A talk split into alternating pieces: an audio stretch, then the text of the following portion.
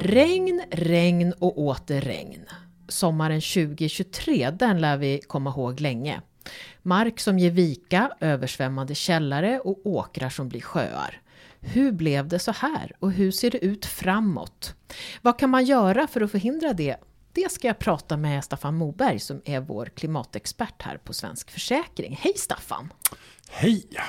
Alltså om jag säger Hans, vad tänker du på då? Alltså, Hans, ovädret Hans, tänker jag närmast på. Eh, Hans var både omfattande geografiskt och avseende skadetyper. Det var eh, stormskador, eh, det var översvämningar och sen var det eh, en del andra övriga skador som erosion och, och, och en hel del annat. Vad var det som var så speciellt med stormen Hans egentligen? Just att det var eh, väldigt omfattande geografiskt och eh, många olika skadetyper och främst då stormskador och översvämningar men en, även en del övrigt. Eh, sen var det ju väldigt många skador som kom också. Eh, vi har ju fått statistik på att det är 8400 anmälda skador Och det är Eh. över hela landet då? och över hela landet. Och, och av, av dem så var det nästan 5000 som är just översvämningsskador. Vi har också sett att eh, det är främst konsumenter som drabbas. Alltså Nästan 90 procent så är det konsumentförsäkringar. Till skillnad från för, företag då? Ja, precis. Ja, ja.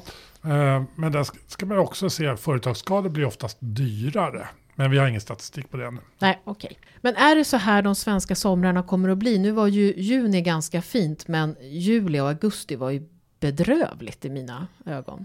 Ja, inte, inte varje sommar kanske, men, men vi kommer ju få se det här vädret allt oftare. Alltså, vi, vi står ju liksom i början av de här klimatförändringarna och det, de kommer ju bli mer intensivare och ökad frekvens och, eh, och tilltar under många hundra år. Och på sitt sätt så kanske man kan säga att 2023 så har det varit ett typiskt sådant här klimatförändringsår. Så det är ett klimatförändrings so svensk sommarår. Ja, lite så. Men vad är det som händer nu och varför blev det så här? Jag tror att en stor påverkan har varit då att vi har fått det här väderfenomenet eh, El Nino. Eh, alltså vi har gått från det som heter El Nina eh, till El Nino. Och El Nino medför så att haven blir varmare, framförallt i tropikerna. Och eh, när haven blir då varmare så avdunstar det mer vatten. Och vattnet kommer ju ner som nederbörd. Och är det mycket vatten så blir det ju skyfall. Eh, vi har sett översvämningar över hela världen. Men det är även då uppstått torka och skogsbränder till följd av det här väderfenomenet. Alltså, på det hela taget så kommer vi få se mer extremer vad det gäller väder. Och just nu då för svensk del så var det ju så att vi hade ju en väldigt varm vår och, och, och bönderna skrek ju efter eh, mer regn och de blev bönhörda. Eh, så att i juli, augusti så fick vi motta mycket av det här regnet. Då fick vi satt vid teg. Ja, minst sagt. Eller blöta om fötterna, inte minst. Och det gav ju sen effekter ännu längre fram i form av skred som vi har sett. Då. Finns det en prislapp på det här? Det gör det ju självklart. Alltså, eh, försäkringsbolagen försäkrar ju idag alla eh, naturskador. Och eh, ska vi fortsätta med det så, och de ökar så kommer det självklart påverka premien framöver. Just för i år då så är ju ovädret Hans då är ju inte den enda skyfallet eller stormen som har inträffat. Utan vi har ju haft ganska många skyfall framför allt. Så eh, sammantaget när vi summerar det här året så tror jag att det kommer att vara väldigt många eh, översvämningsskador. Eh, och vi vet ju sedan tidigare att vi brukar prata om att ungefär 60 procent av de här eh, så kallade baktrycksskador där vattnet tränger in via VA-systemet. Och de typerna av skador så brukar vi försöka återkräva ersättning från eh, kommunernas VA-huvudmän. så det kan ju bli ganska dyrt för kommunerna också det här. När, när det inträffar den här typen av skador. Så det är viktigt att för, förebygga. På vilket sätt jobbar försäkringsbranschen då för att klimatanpassa lite mer? Alltså, Vi har ju tjatat det här i många år nu. Ja, det ju, blir ju olika delar. Jag menar, försäkringsbolagen har ju sin roll och ju, deras roll är ju huvudsakligen att ersätta då de skador som inträffar och återuppbygga. Men de, de, har ju också en skadeförebyggande roll lite och de brukar ge råd då till sina kunder hur de ska förhålla sig. Framförallt när det har inträffat en skada. Att, ja, för att inte det ska inträffa igen, gör si och så. Till exempel just de här översvämningsskadorna så rör det sig väldigt mycket om backventiler och pumpsystem så att säga, som förhindrar att vattnet tränger in i deras källare. Då.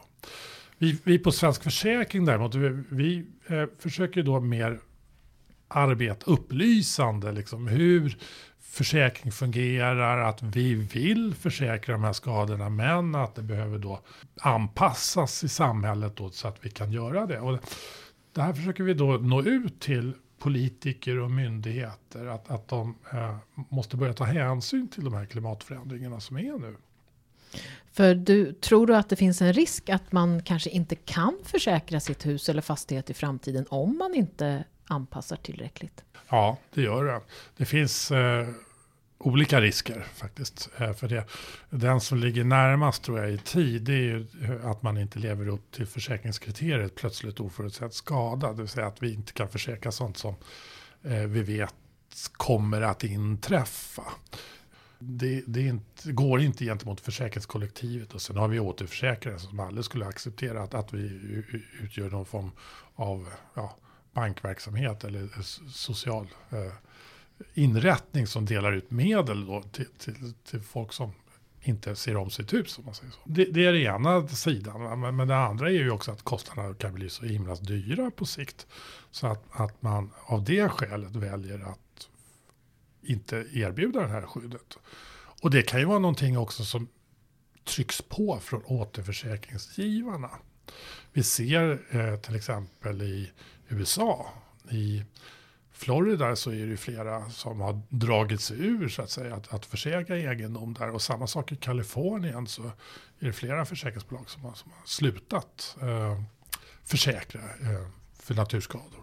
Du har ju sagt massa bra saker här, men kan du säga någonting sammanfattningsvis vad som krävs för att vi ska klara de här väderförändringarna? Vi måste börja ha en långsiktig plan hur vi ska arbeta med klimatanpassning och kunna möta de eh, problem vi kommer ställas inför. Och det här gäller ju liksom få hela samhället att agera gemensamt. Tyvärr så arbetar vi ju då väldigt eh, lokalt i de här frågorna, framförallt skulle jag säga kommunalt. Men kommunerna har ju inte heller eh, möjlighet att arbeta ordentligt. För vi har en lagstiftning som förhindrar många gånger att man har en samverkan med de fastighetsägare som faktiskt har det yttersta ansvaret för att eh, klimatanpassa. En långsiktig plan är väldigt viktig och, och eh, genom de utsläpp av växthusgaser vi redan har gjort så har vi faktiskt intecknat för omfattande effekter som kommer medföra naturskador i framtiden. Du har lyssnat på Försäkringssnack med Staffan Moberg från Svensk Försäkring och mig Ulrika Loeb. Och du hittar mer information om vad vi gör inom klimat och hållbarhet på våra temasidor på webben och länk hittar du i avsnittsinformationen.